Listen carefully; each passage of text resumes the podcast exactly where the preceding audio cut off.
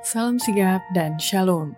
Renungan kita pada hari ini, Minggu 28 Mei 2023, berjudul Harus Ditemukan dalam Pertemuan Orang-Orang Kudusnya. Ayat intinya terdapat di dalam Zakaria 8 ayat 19. Beginilah firman Tuhan semesta alam. Waktu puasa dalam bulan yang keempat, dalam bulan yang kelima, dalam bulan yang ketujuh, dan dalam bulan yang ke-10 akan menjadi kegirangan dan sukacita dan menjadi waktu-waktu perayaan yang menggembirakan bagi kaum Yehuda. Maka cintailah kebenaran dan damai. Pena Inspirasi menuliskan yang dimaksud dengan judul renungan kita pagi ini harus ditemukan dalam pertemuan orang-orang kudusnya adalah sebuah panggilan kehidupan yang praktis agar kita senantiasa menunjukkan keceriaan dan kepuasan sebagai faktor yang menunjang kebahagiaan sejati dan sarana untuk memulihkan hubungan kita secara vertikal kepada Tuhan dan horizontal dengan sesama sebagai berikut. Pertama, hal apa saja yang harus ditemukan dalam pertemuan orang-orang kudusnya, yaitu kata-kata kita harus menolong dan menguatkan satu dengan yang lain dalam kehidupan Kristen. Sebagai pengikut Kristus, kata-kata kita harus menolong dan menguatkan satu dengan yang lain dalam kehidupan Kristen.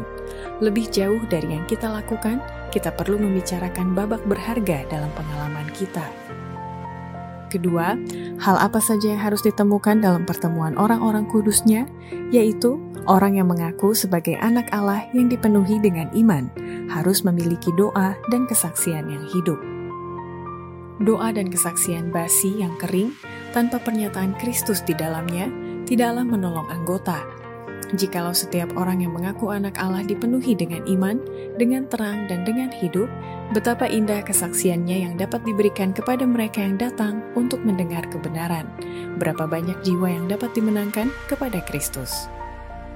Ketiga, hal apa saja yang harus ditemukan dalam pertemuan orang-orang kudusnya, yaitu memperkenalkan kebaikan Allah bagi orang-orang yang masih menyembah Allah pada hari kebaktian yang tidak sesuai dengan hukumnya yang keempat. Bangsa-bangsa di dunia ini sedang menyembah Allah palsu. Mereka harus dipalingkan dari kebaktian yang palsu, bukan dengan mendengar kutukan terhadap berhala mereka, tetapi dengan sesuatu yang lebih baik. Kebaikan Allah harus diperkenalkan. Kamulah saksi-saksiku, kata Tuhan, bahwa aku adalah Allah.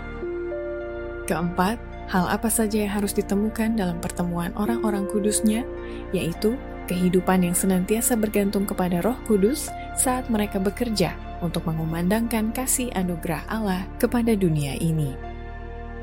Pekerjaan kita dengan jelas didasarkan pada firman Allah. Orang Kristen dipersatukan dengan orang Kristen lainnya, gereja dengan gereja, Manusia bekerja sama dengan yang ilahi. Setiap agen bergantung kepada Roh Kudus, dan semuanya secara terpadu memberikan kabar baik anugerah Allah kepada dunia ini.